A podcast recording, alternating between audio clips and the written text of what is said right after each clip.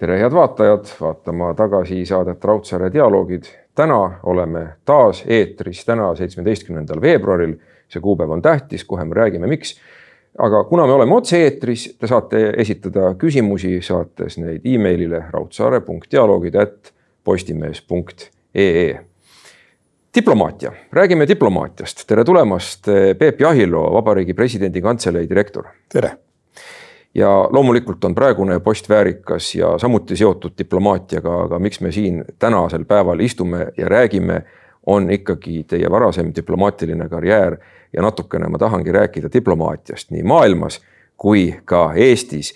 ja kui ma sissejuhatuses mainisin, et täna on seitsmeteistkümnes veebruar ja et see on tähtis millegi poolest, no nii, öeldi, et eile pidi hakkama sõda, mida me kuulsime ameeriklaste poolt, et Eh, nii võib Ukrainas juhtuda. no nüüd natuke banaalne oleks küsida, et kas siis sõda jäi ära selle tõttu, et diplomaadid hirmsalt pingutasid ja pingutavad nad ju ka praegugi, see on kõik tõsi. aga võib-olla ka see teade oli osa, pretsedenditu teade oli osa diplomaatiast. see võib vabalt niimoodi olla tõepoolest. me tegelikult ju ei tea, milline, mis tõde tegelikult on me, me teadsime seda, et, et kuhugi kellegi kätte on sattunud äh, luureandmed, mis näitavad seda, et, et valmistati ette sõja algust teatud kuupäeval või ründe või provokatsiooni algust. ja võimalik, juhul kui see vastab tõele, et selle info avalikustamine võis keerata algse plaani pea peale ja algne planeerija otsustas, et nüüd, kui asi on avalik, pole enam mõtet mängida sellesama stsenaariumi järgi ja lülitati ümber mingile muule stsenaariumile või on kusagil mingi, mingi, mingi teine plaan hoopis kellegi peas küpsenud, seda me ei tea igal juhul diplomaadid ju on olnud väga aktiivsed ja kui me räägime diplomaatiast, noh, on üks niisugune ütlus, et sõda, see on just nagu diplomaatia jätkamine teiste vahenditega. aga tegelikult diplomaatia eesmärk on ju ära hoida sõda. nii on jah, oluline muidugi on see, et tuleb hakata rääkima, inim-, inimeste, nii nagu ka riikide vahel on vaja rääkida, on vaja suhelda.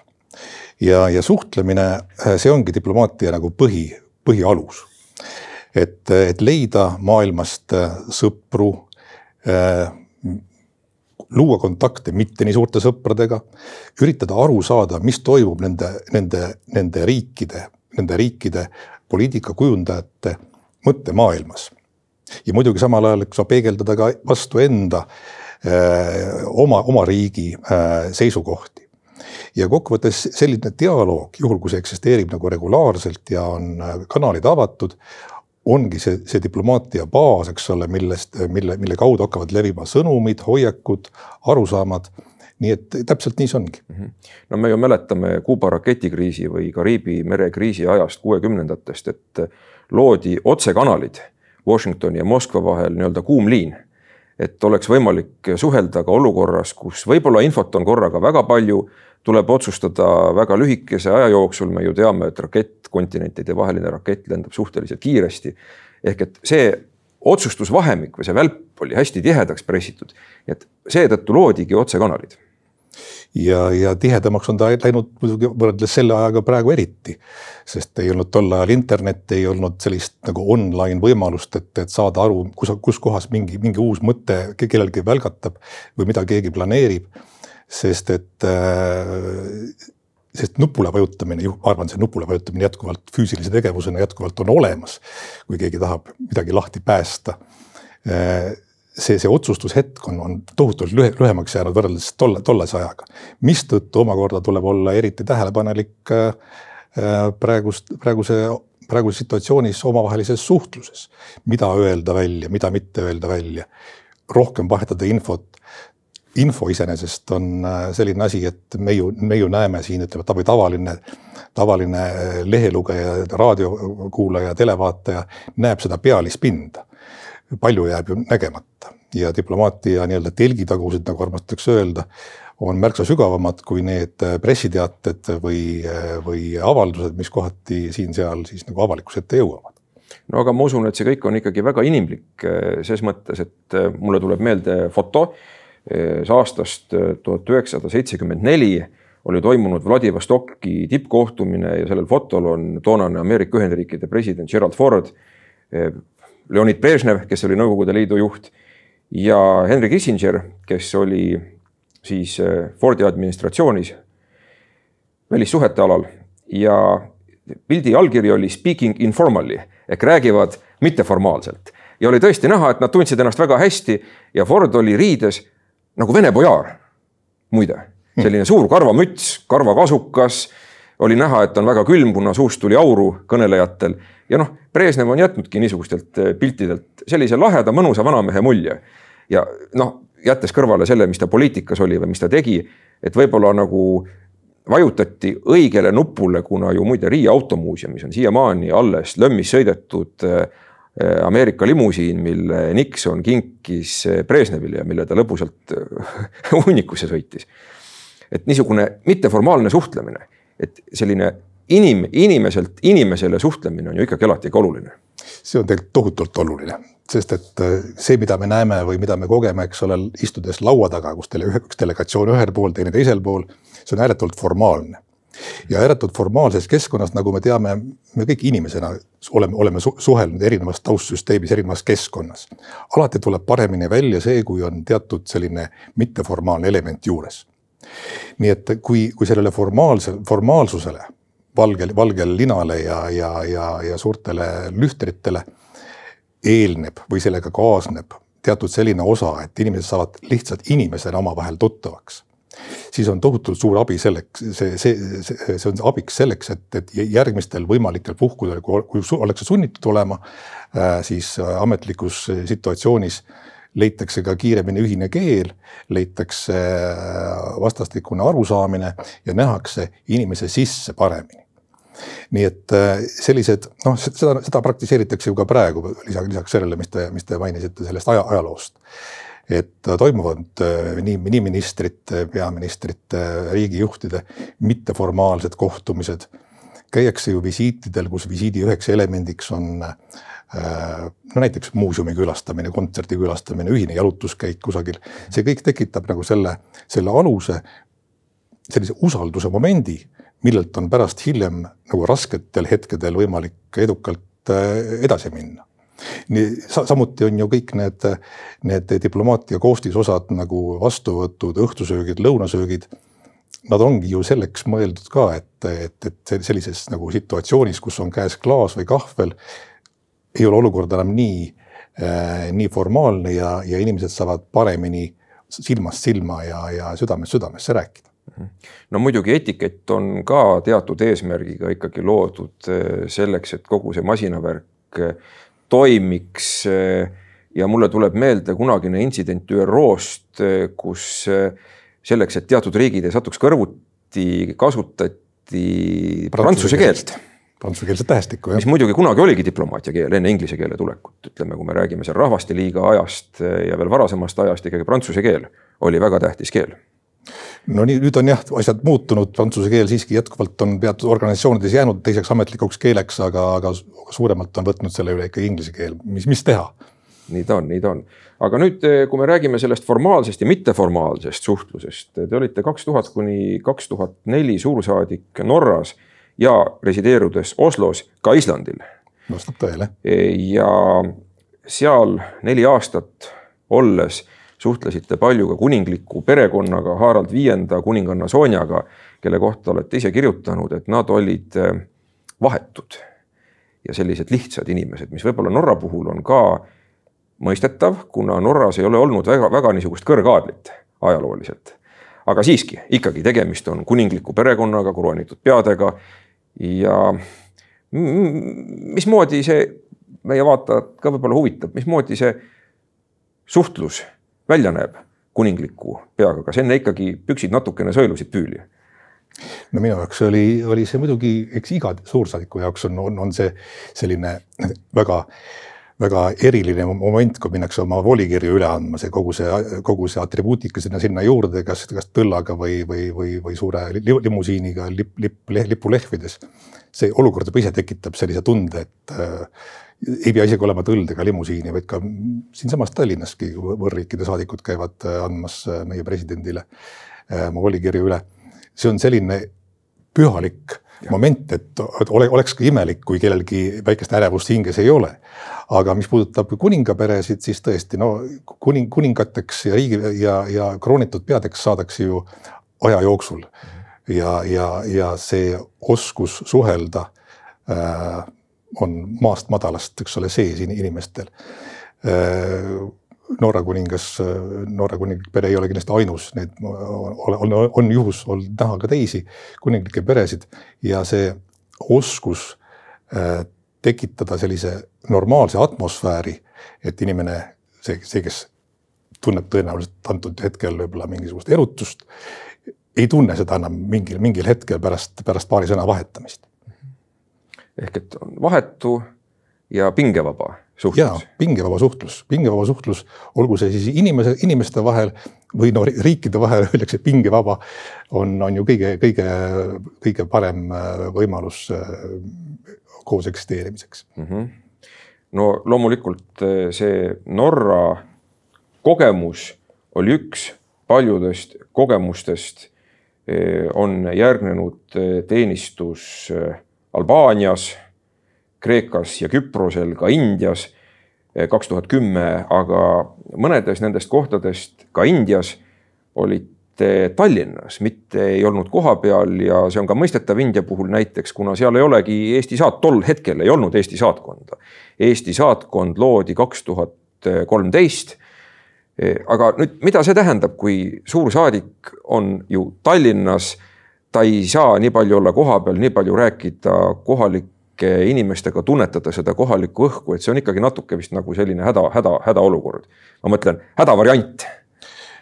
noh, võib jah, võib ka öelda nii, aga tegelikkus on muidugi see, et, et väiksed välisteenistused nagu ja väik, väikestel riikidel on väiksed välisteenistused Eesti, Eesti nende hulgas. me peame küllaltki nagu kasutama kõiki ressursse ära, et, et, et suhteid hoida. ja muidugi pole meil ka eelarves kunagi olnud nii palju raha, et igal pool avada oma, oma, oma püsiv saatkond needsamad kaasakrediteerikud, akrediteeringud, mida, mida mulgi on olnud mitmes kohas võimalik teha, on kindlasti parem kui mitte midagi.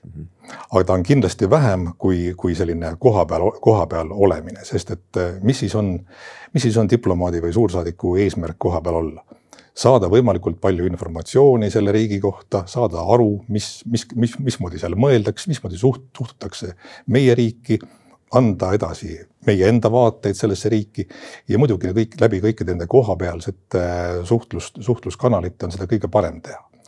aga need äh, kõrvalakrediteeringud, kasvõi Tallinnastki nagu, nagu oli see India katmine enne seda, kui Eesti sinna otsustas saatkonna rajada. Nad olid kindlasti olulised selleks, et, et saada üldse aru, et jah meil on vaja sinna koha peal saatkond teha. nagu natuke õhunuusutamine, et kas on see suund, kuhu me peaks liikuma või mitte, eks ole. absoluutselt, jah. ja ma olen sellega sada protsenti nõus, et Eesti ei saa igale poole väikese riigina saatkondi rajada, aga võib-olla me saaksime ka koopereeruda teiste Balti riikidega. Ma ei tea, seda on ajaloos ikka arutatud, aga muidugi ma möönan, et vaatamata sellele kaugelt vaadates muidugi punktid koonduvad, et kusagilt võib-olla Ameerikast vaadates on küsimus, et noh, et Balti riigid, nad on ju ühesugused, tegelikult me ei ole ühesugused, me oleme väga erinevad, et ajalugu on meid muutnud sarnasemaks, aga ütleme kasvõi leedulased, katoliiklased kuningriigi ajalooga ja noh, võtame Eesti ajalugu, meil on ikkagi teistsugune ajalugu. Ja võib-olla ka niisugused välispoliitilised suunad on natuke erinevad, et meie oleme olnud väga huvitatud Põhjamaade suunast. Leedu rohkem on vaadanud Kesk-Euroopa poole, natuke Saksamaa poole võib-olla rohkem. et ega see niisugune leibade ühte kappi panemine diplomaatias vist ei olegi nii, nii mõeldav noh, teatud määral ta on, sest isegi mingitel puhkudel, eriti konsulaarvaldkonnas on siin ju delegeeritud teist, teisele riigile konsulaarteemadel meie esindamine, eks ole, juhul kui keegi satub hätta, eks ole. mõnes riigis, mõnes, mõnes riigis, kus Eestil ei ole esindust, küll aga on seal Euroopa Liidu mõni, mõni teine riik, siis kahtlemata on võimalik sel inimesel pöörduda selle teise Euroopa liigi, Euroopa Liidu riigi poole. paljudega on ka kokkulepped sellised, et, et, et aidata. aga koos töötamine muidugi noh, sama ühesugustel või sa, samas hoones, erinevates ruumides, samadel pindadel on, on päris levinud, see on ka siiamaani praegu näiteks meie, meie saatkond Pekingis samas, samas hoones, olgu peale, et Eesti selle ehitas, on ka Islandi suursaatkond. ja, ja kui ollakse ühe, ühe pinna peal koos, siis kahtlemata see tekitab ka sellist teatud sünergiat vastastikku toetamise. no see edendab juba Eesti ja Islandi suhteid märkimisväärsel moel. jah, absoluutselt ja veel on mõning-, mõningad sellised näited on, on siin veel läbi aegade olnud nii et äh, selline, selline koos töötamine on hea, aga samas igal riigil on omad huvid omad, omad erisused, täpselt nagu te ütlesitegi. et äh, me, me küll, meid küll paigutatakse jah, sellesse Balti, Balti gruppi, Balti riigid öeldakse, eks ole, teinekord isegi välja hääldamata nende riikide nimesid. aga eks meie huvi siiski on olla Eesti ja mitte niivõrd, eks ole, üks Balti riikidest, kelle nime, nime ei nimetata, nii et äh, see, see puudutab ka kõiki teisi riike, keda, keda tahetakse grupeerida. nii et äh, eks meie huvi on vaatamata sellele tihedale Balti koostööle ikkagi olnud see, et äh, meid, Eestit teatakse ja õnneks teatakse heast küljest eeskätt ja oleme teinud ju ka kõik meie diplomaadid teevad siiamaani kõik selleks, et, et Eesti paistaks eraldi välja ja ikka heas valguses see on kindlasti meie diplomaatidel ka õnnestunud, aga nüüd ma meenutan, kui ma läksin õppima Oslo ülikooli ja üheksakümne kaheksandal aastal olin ühel kursusel, kus räägiti Põhjamaade ajaloost ja näidati kaarti siis selle koha peal, kus oli Eesti, ei olnud üldse mitte midagi. et noh, oli seal loomulikult Norra, Rootsi, Soome, Island, Taani ja Baltimaid üldse ei olnud seda ma puutusin ise ka kokku sama asjaga just nimelt Norras, et koolides ka ei väga-väga palju ei õpetatud seda, et mis asi see, miks see Eesti, mis asi see Eesti seal on, et see oli Nõukogude Liit tol ajal, kui, õpetati koolides enamus inimesi, kes, kes praegu aktiivsed olid, käisid koolis sel ajal. nii et äh, ja täpselt, täpselt nii see on. et see oli tegelikult meie diplomaatia esimene ülesanne, et äh, mitte niivõrd välja tulla grupist, aga võib siiski öelda ka, et me pidime välja tulema endisest Nõukogude Liidust, mis oli samamoodi ju riikide grupp või maade grupp. kuigi noh, jah, just nagu formaalselt olid need liiduvabariigid mingisuguse piiratud iseseisvusega. isegi ju ÜRO liikme staatus anti Ukrainale ja Valgevenele. ma mõtlen see julgeolekunõukogu juures, aga, aga me pidime tulema välja varjust täpselt nii ja, ja, ja midagi ei ole teha, vähemalt esimesed kümme aastat meie iseseisvust äh, olid küll, oli selline aeg, kus, kus üsna sageli nimetati meid endiseks Nõukogude Vabariigiks mingil hetkel noh, me ise ka juhtisime tähelepanu sellele, et lõpetage nüüd ära, kui kaua võib nimetada endiseks Nõukogude, Nõukogude Liidu vabariigiks Eestit. ja nüüd, nüüdseks muidugi on see ära kadunud. aga, aga eks lahti rebimine minevikust on teinekord ikka keeruline. me oleme ju siin oma identiteeti otsinud läbi erinevate võimaluste ja ja üks oli see Balti dimensioon, millest, millest sai räägitud me ise ju tunneme ennast, me võime, kui me ka küsime tõenäoliselt tänavatel, ma mäletan ühte, ühte küsitlust mõned aastad tagasi, kellena eestlane ennast tunneb. esimesel kohal oli vist eurooplane või pärast, pärast eestlast eurooplane ja siis tuli kohe põhjamaalane et nagu meil, vähemalt Eestit nüüd on, jätame Läti ja Leedu kõrvale, et Eesti selline mentaalne kuulumine Põhjala riikide hulka on pigem meile omane kui see, et meid äh, võib-olla tahetakse paigutada teinekord Ida-Euroopa riigiks seal on teatud selline tähenduslik vahe ka juures, mistõttu me, me eelistaks olla muidugi Põhjamaa riik. ja see ei ole ju teoreetiliselt ka mitte võimatu, üks väike vahelemärkus, Soomet peeti kahe maailmasõja vahel ühe perioodi jooksul Balti riigiks Euroopast vaadates ja soomlastele see üldse ei meeldinud. ja neil õnnestus ennast lahti haakida sellest grupist ja pidevalt eh, promoda enda Põhjamaa staatust. varem Rootsi, Norra, Taani ei pidanud Soomet Põhjamaaks, tänapäeval pigem peavad. eks sellele aitas ka muidugi soomlaste rootsi keele oskus kaasa, kuna paljuski ju suhtlus omavahel Põhjamaade vahel käis sellises skandinaaviski keeles. aga Eesti puhul muidugi noh, on, jääb, jääb see küll kõrvale, aga, aga meie side Soomega muidugi jällegi räägib sellele kaasa positiivselt. siin tekib selline teatud, teatud dilemma, et kui me väga tugevalt tahaksime saada nagu Põhjamaa riigiks mentaalselt ja sageli ka Põhjamaa riigid meid võtavadki, noh, teie olete ju ka siin Põhja, Põhjala riik, siis mida teha Balti koostööga? sest et me ei saa ju öelda, et jah, meie oleme nüüd Põhjamaa riik, aga, aga Läti, Leedu, mis, mis nendega saab? nii et noh, üks võimalus on muidugi see, mis, mis ka teatud määral on, on juba nagu ellu hakanud äh, ennast, ennast rakenduma, selline äh, selline Läänemere riikide äh, grupp, mingil hetkel mäletan Eesti, Eestis hakati kasutama sõna nagu fennoskandia, Baltoskandia, vabandust, Baltoskandia et kuhu siis oleks kuulunud Põhja, Põhjala riigid ja, ja, ja Balti riigid aga tegelikult, tegelikult noh, see, see termin ei läinud küll väga hästi käiku, aga see koostöövorm kolm pluss viis ehk viis, viis äh, Põhjariiki ja kolm Balti riiki on jätkuvalt üsnagi laialt kasutatav erinevatel tasanditel, alates sealt äh, riigijuhtidest kuni, kuni, kuni diplomaatideni välja. nii et äh, selline tihe koostöö näitamaks või rõhutamaks seda, kuhu me kuulume ja ole, oleme samamoodi mõtlevad, samamoodi asjadest aru saavad riigid see jätkuvalt on, on meil igal juhul päevakorras. nojah, kui ma Norras õppisin, küsiti minu käest sageli, et kas te räägite vene keelt ja kuna mul oli parempoolse rooliga auto, siis ma ütlesin, et ei, et me oleme tegelikult Briti Rahvaste Ühenduse endine liige, mis ajas minu vestluskaaslased totaalselt segadusse. aga ühesõnaga, meie diplomaadid on ära teinud suure töö, et Eesti tuleks tagasi maailmakaardile ja teie läksite välisministeeriumisse tööle üheksakümnendal aastal. me teame, et see oli aeg, kui Lennart Meri oli välisminister ja ta ju tegi, võiks öelda, restardi, ta saatis ära suure hulga vanadest diplomaatidest, mitte küll kõiki, aga väga paljud ja mehitas eh, noorte, noorte teotahteliste inimestega, kes võib-olla küll kõike ei teadnud diplomaatiast, aga aga, aga miks Meri tegi seda, sellest on küll Mihkel Mutt natukene kirjutanud, aga mis selle asja mõte oli? no eks Meri tuli sellesse välisministeeriumisse, mis toona asetses ju veel äh, Toompea lossi äh, lõuna, lõunatiivas poolikul esimesel korrusel ja kus oligi võib-olla maksimaalselt kakskümmend inimest, viisteist inimest tööl. toonane välisministeerium oli siiski ju Nõukogude Liidu välis, välissuhtlemise süsteemi osa või rakuke. Ja, ja küllap Lennart Meri siis nagu põhjusega tahtis, et me hakkaksime nagu teistmoodi mõtlema, hakkame valmistama ette, üheksakümnendal aastal oli, oli ju see kõik õhus, valmistama ette seda omaenda riigi äh, välissuhtlemist, välisministeeriumit, mis alles ju mõne aja pärast alles tegelikult realiseerub, realiseerumismõte.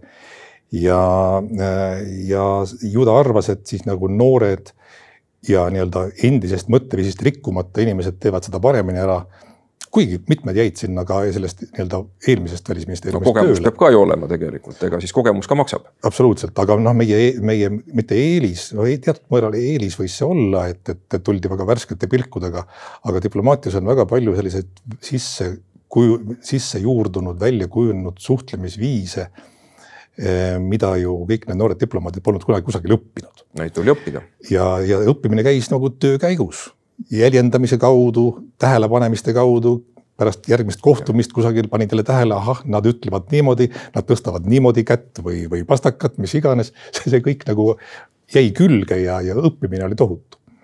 no noor inimene suudabki õppida. No nii on. aga jällegi eeskujude vaatamisega tuleb olla ettevaatlik, võib-olla mõnikord, me teame ju, Lennart Meri oli väga loominguline ka hiljem kui ta seal käis Bushi juures, tegi gloobusele risti, et ega seda ei maksa vist korrata igalühel. nojah, see tuleb, mõnel tuleb see paremini kuidagi välja ja spontaansemalt ja ma arvan, tegelikult seda suurt risti vist sinna nagu võib-olla ei tulnud, võib-olla see oli väike täpikene, ega me täpselt ei tea seda, aga, aga see jääb meelde, sellised asjad jäävad meelde. jäävad ka meelde sellele, kelle juures ta käis ja jäävad meelde pärast äh, nii-öelda ajaloo, ajaloo valmis kirjutamisel ja sellist spontaansust ja, ja mitte väga krampis olemist, äh, et oleme, olen kinni ainult jutupunktides mm seda ei pruugiks ka väga-väga-väga nagu öö, kasutada, sest teinekord selline inimlik kontakt on märksa efektiivsem ja, ja improviseerimine teinekord tuleb paremini välja. mis teha? ja ma sellepärast võrdlengi head diplomaatiat džässiga.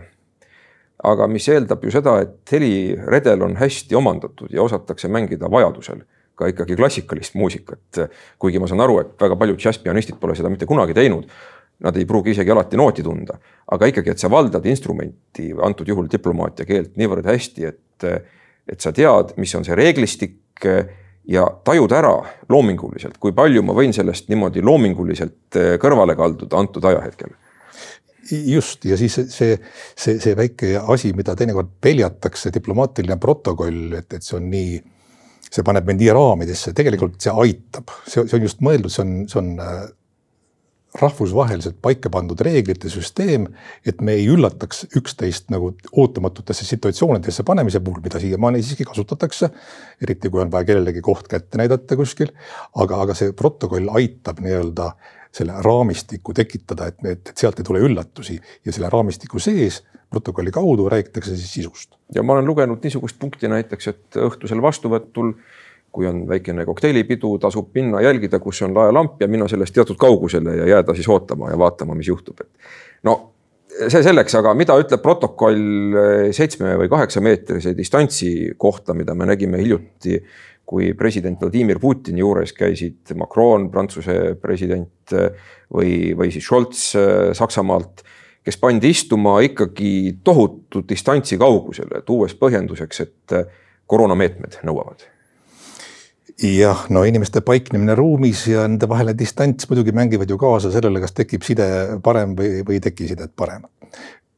me täpselt ju ei tea seda tausta, eks ole, võimalik, et, et, et president Putin just pidaski silmas seda, kartes lihtsalt võimalikku nakatumist, mis iganes, et hoiame siis võimalikult suure distantsi. mõnel teisel pildil me oleme näinud, et ka tema ja, ja tema välisminister samuti istuvad väga suure distantsiga, võib-olla polnud see siis selle valge laua taga mingisugune erand aga igal juhul jah, ega sellest välja, sellest saab, saab lugeda välja ühte ja teist, aga antud juhul, kui tuleb mängu koroona olukord, siis äh, on, võib ka vabalt öelda, et äkki ongi koroona pärast. võib-olla tõesti, võib-olla tõesti. Jätame sellise diplomaatilise võimaluse õhku, ehkki kuigi ma kujutasin ennast ette ise sellises situatsioonis, kui ma peaksin istuma vestluspartnerist kaheksa meetri kaugusel, praegu meil on sinna umbes noh, poolteist meetrit ma pakuksin vahet see stuudio isegi vist ei ole päris nii pikk, no võib-olla, kui seal stuudio tagaseinas, siis oleks vestluspartner.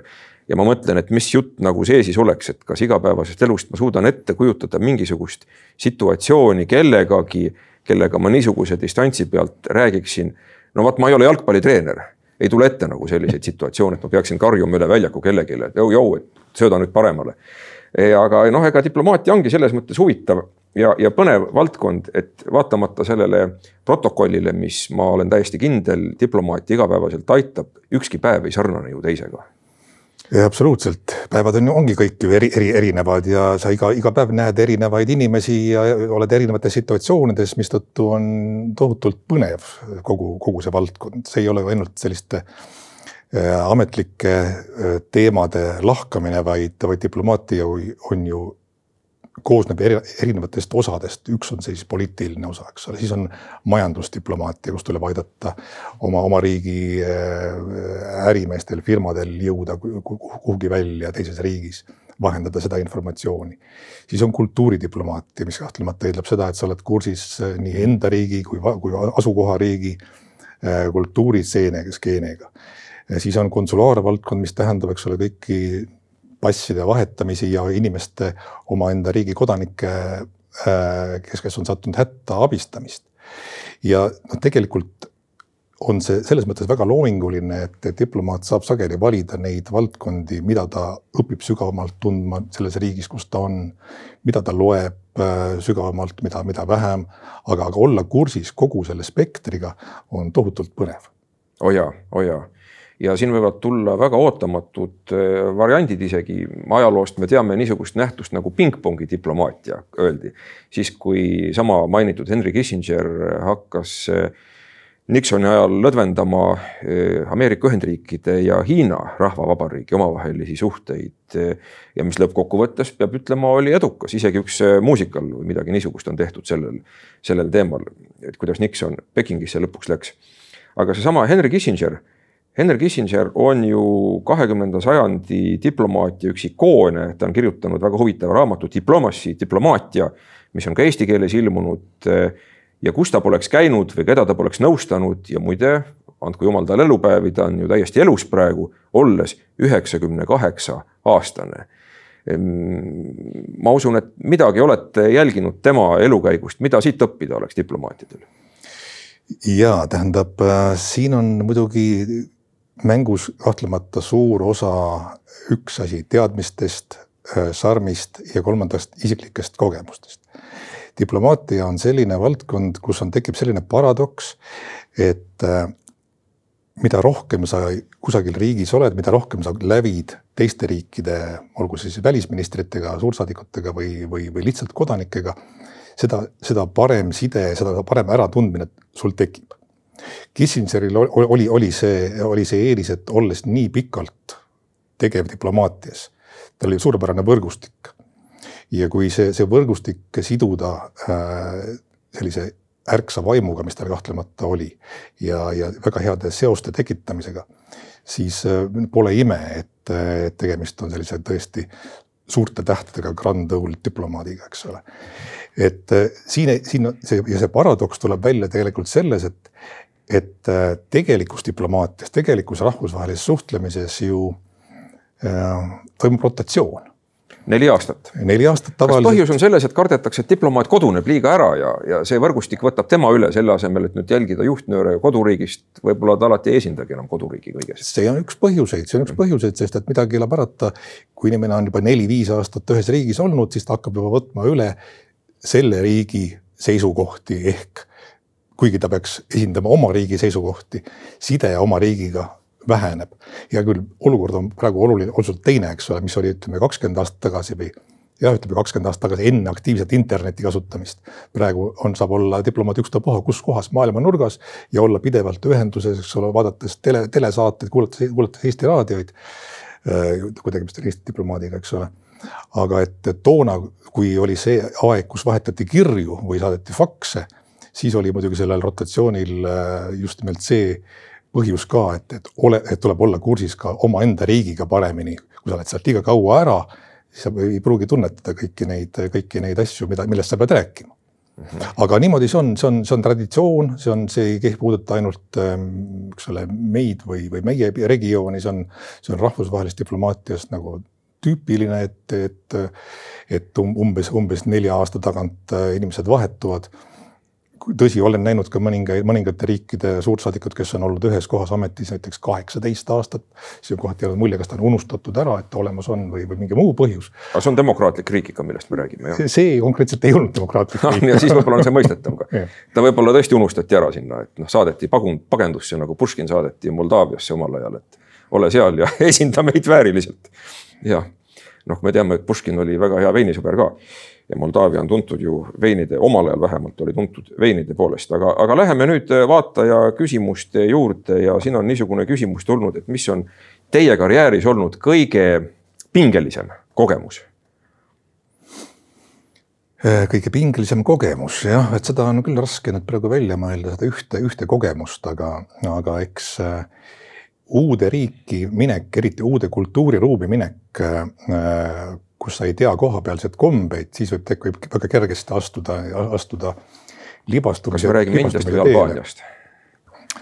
Äh, ja, ja me saame rääkida nii, nii Albaaniast kui, kui Indiast, äh, sest kõige raskemad on kohapealsed kombed, mida, mida nüanssideni ei ole võimalik enne sinna minekut kuskilt raamatust lugeda mm. -hmm. ma ei oska neid täpselt neid hetki öelda, aga, aga selliseid äh, aru, arusaamatusi on, on küll olnud, ma ei tahaks öelda, et see on et see on äh, näiteks äh, kõige selline pingelisem hetk olnud, aga näiteks äh, omamoodi diplomaatiline intsident mm -hmm. tekkis, tekkis küll, kui ma, kui ma olin Indias India presidendile volikirju üle andmas, sealjuures oli ka meie kohapealne aukonsul, kes siis jälgis asja kõrvalt ja pärast ja pärast volikirjadest, volikirjade üleandmiselt tulekult helistati siis asukohariigi protokollist ja öeldi, et teate, teie aukonsul äh, solvas meie riigipead. ma läksin, ma kahvatusin, mõtlesin, mis nüüd siis lahti on, et äh, kuidas peaks seda asjast välja tulema. see on nüüd hull lugu küll. ja, ja, ja sel-, selgus, et see aukonsul, olles ise hindu, istus jalg üle põlve ja, ja jalg jal,, jal, jalad all nii-öelda suunatud presidendi suunas, olgu peale, et see toimus kümne meetri kaugusel aga, aga mind üllatas see, kuidas selliseid väikseid detaile teinekord võetakse suurena no me teame ju ka, et islamiriikides kellegi kingaga viskamine on ülim, ülim solvang. ja tõepoolest, aga mis siis sai? Kuidas see asi klaarus? Sai vabandatud ja sai, sai palutud ka sellel asjaosalisel minna, minna siis äh, protokolli osakonda ja, ja tunnistada oma viga ning see asi nagu laabus kenasti ära mm. -hmm. no ilmselt saadi ka aru, et tegemist on ju välismaalasega, kes ei pruugi kõiki asju kohe teada, aga alati on kõigil võimalus ennast parandada. sellises olukorras nii, no siin on nüüd küsimus, mida ma arvasin muidugi ka, et see tuleb ühel hetkel, et miks diplomaadid räägivad ümarat juttu, et noh, ma ei tea alati ei räägi ju. Alati ei räägi ja ümar jutt, mis asi on ümar jutt, muidugi? Saab, saab äh, rääkida asjadest ju lühilausetega ja, ja avatult ja saab rääkida, kasutades neid sõnu, neid, neid väljendeid, mida, mida kasutatakse universaalselt maailmas. võib-olla sellepärast kohati jääb ka mulje, et, et, et, et diplomaadid äh, räägivad ümaralt, äh, kuna, kuna kasutad, kasutavad väljendeid, mis on nagu võib-olla arusaadavad ka vastaspoolele see on kuidagi nagu ma küsisin ühe, ühe tuttava juristi käest, et eh, miks sa kirjutad nii kuiva teksti sellise, sellises, selliste sõnadega, millest tavaline lugeja midagi aru ei saa. aga ta ütles, et aga kuna see kiri läheb teisele juristile teises asutuses, siis eh, me saame paremini aru, mida, mida tahetud öelda ehk et iga termini taga on ju terve kompleks, mida ta kohe saab aru, võib-olla mingid kaasused koguni, et, et see on kood, mida pooled valdavad. see täpselt on kood jah ja eks ta ole ka diplomaatias niimoodi, et on pooled valdavad diplomaatiat, aga diplomaatias sellist äh, koodi, aga mulle tuleb meelde mitmeid juhtumeid, kus on diplomaadid olnud ka üsna karmisõnalised ja ja kui me räägime näiteks Balkani sõdadest üheksakümnendatel aastatel Ameerika diplomaat Richard Holbrooke oli see, kes Daytoni rahulepingu peaarhitektina üsna jõuliselt survestas ühel hetkel osapooli. ma ei hakka siin kõike tsiteerima, aga, aga tulemus lõpuks saadi. nii et ega siis diplomaatia on ka mõnikord niisuguse või, või toome teise näite, suurepärane film on eh, Taani, Taani eh, peaminister Rasmussenist, kui ta oli parasjagu Euroopa Liidu eesistuja, see oli Road to Europe, kui ma õieti mäletan, ehk Tee Euroopasse. filmi pealkiri Dokumentalist pääses kuluaaridesse kus siis arutati enne, kui tuli järgmine kandidaat, kes tahtis Euroopa Liitu, see oli enne seda suurt laienemist kahe tuhande neljandal aastal tehtud film. ja, ja mida siis, kuidas siis kommenteeriti ja, ja, ja mida seal öeldi ettevalmistavalt meeskonnas, et kuidas me nüüd selle mehega tööd, kuidas me teda töötleme ja mis me talle ütleme. ausalt öeldes see oli väga-väga huvitav. nii et ega võivad olla diplomaadid ka mõnikord eh, üsna jõulised jah, oleneb olukorrast ja oleneb sellest, mida tahetakse saavutada. teinekord aetakse sellega vastaspool segadusse, kui hakatakse kasutama teistsugust märgisüsteemi. aga mis puudutab neid sõnu või ümmargust juttu, eh, no öeldakse ju ka, et, et sõnad on teinekord mõtete varjamiseks. ja, ja nende, nende pealtnäha ümarate juttude, ümarate sõnade sees võib kusagil leiduda mingisugune üks märksõna mis annabki kogu selle, selle, selle mõtte edasi, mida tegelikult taheti, taheti öelda. aga selleks, et mitte minna, mitte tekitada võimalikku konflikti, kasutatakse võimalikult leebet ja, ja sellist nagu noh, nagu öeldakse, ümber nurga lähenemist mm. -hmm. aga teinekord see aitab, see kõik sõltub siit, siit situatsioonist. ma saan sellest väga hästi aru, et eh, kui sa tahad naabrimehele öelda, et eh, vii oma autoromu piiri pealt ära siis ei ole mõistlik võib-olla öelda see üks lause, vaid kõigepealt teda kiita. Öelda, et eh, mis on väga hästi. noh, inimene tunneks ennast hästi, see peab olema muidugi päris asi, mille eest kiita inimest, mitte väljamõeldud asi. antud juhul siis riiki, võib-olla tänada millegi eest ja, ja siis muuhulgas viidata ka, et meie suhted oleksid paremad, kui me leiaksime lahenduse sellisele küsimusele, mis kindlasti on võimalik. täpselt nii see ongi, täpselt nii see ongi, ega miski inimlik ei, ei ole diplomaatias võõras. jah aga kui me nüüd, meil on jäänud umbes viis minutit saate lõpuni, kui me nüüd räägime Eesti diplomaatia antud ajahetke eesmärkidest. noh, mida te kindlasti ju jälgite ka olles presidendi kantseleis, kuigi me ütleme ju, et Eestil ei tohiks olla mitut diplomaatiat, et meil ei ole nagu eraldi presidendi diplomaatiat või äh, siis välisministeeriumi diplomaatiat ja ma arvan, et nii ka ei ole, et siin võivad olla väikesed variatsioonid, aga üldjoontes Eesti ajaloos see diplomaatia ikka ongi olnud ühele eesmärgile, et Eestil oleks liitlasi, et Eesti oleks turvaline. Me oleme saanud NATO-sse, me oleme saanud Euroopa Liitu. aga mis siis nagu praegu, me ilmselt nagu jätkame tegelikult seda liini, vahepeal tekkis tunne, et ajalugu on lõppenud ja Eesti ongi turvaline, aga minu meelest see Ukraina kriis, millega me alustasime, on näidanud, et me ei tohi võtta mitte midagi iseenesestmõistetavana. Ja siin on meie diplomaatidel väga suur roll ja no Eesti diplomaatia, kui vaadata seda kolmekümne, kolmekümmet aastat või peaaegu kolmekümmet aastat, natuke rohkem tegelikult, on, on ju olnud alati millegi saavutamisele orienteeritud. alati tahtnud, alates sellest, kui, kui Lennart Meri ütles, et, et meie eesmärk on võimalikult kiiresti saada integreeritud võimalikult paljudesse struktuuridesse maailmas ja Euroopas. kui me oleme selle enam-vähem saavutanud praeguse hetkega, siis tõesti mingil hetkel tekkis mulje, et aga polegi enam kuhugi pole kuhugi enam seda, seda selget käegakatsutavat eesmärki enam ei ole. tuli ÜRO Julgeolekunõukogu liikmesus, mis oli selline järgmine käegakatsutav asi. aga kas me saime sellest kasu? või oli see tohutu ressursikulu? ei no ressurssi kindlasti läks sinna ka, aga see on väga-väga äh, suur asi. me oleme kaardil ikkagi paremini kui enne. üks asi see, et me oleme kaardil, meid, meiega arvestatakse ka mitu aastat pärast seda, kui me enam selles julgeolekunõukogus ei ole. aga mida rohkem me saime, me saime sisevaate julgeolekunõukogusse toimuvasse. diplomaatilist kooli. absoluutselt kooli. nii et ja, ja me tegime selle suurepäraselt ära. nii et see andis jälle lisakrediiti Eestile kui sellisele juurde. aga mis meist maha jäi, kas jäi midagi niisugust nagu kunagi Rahvaste Liigas käis Laidoner ja tõmbas maha Iraagi piirijoone? kas midagi niisugust käegakatsutavat, ma ei ütle, et see piirijoon hea sai, aga, aga noh, tolle ajahetke oludes kindlasti, aga aga kas jäi midagi niisugust reaalset käegakatsutavat ka? seda oskavad muidugi inimesed, kes ÜRO juures nagu reaalselt igapäevalt töötasid, võib-olla paremini hinnata, aga mulle jäi nagu mulje, et, et Eesti oli peaaegu enam-vähem, mitte peaaegu enam-vähem, oli esimene riik, kes tõi ÜRO Julgeolekunõukogusse küber- ja digiteemad. ja, ja see, see imidž, mis Eestil on kogu, kogu meie IT valla, vallaga seotud. See, see, see käib meist nii suure sammuga ees, et teinekord tuleb joosta, et järgi saada. ja, ja see, et me tegime seda ÜRO Julgeolekunõukogus äh,, tõime selle teema ülesse ja vähe sellest ka sai seal ju korraldatud äh,, tol ajal olid ju, olid, olid ju need äh, Covidi piirangud mis ei võimaldanud kokku tulla julgeolekunõukogudel julgeolekunõukogul.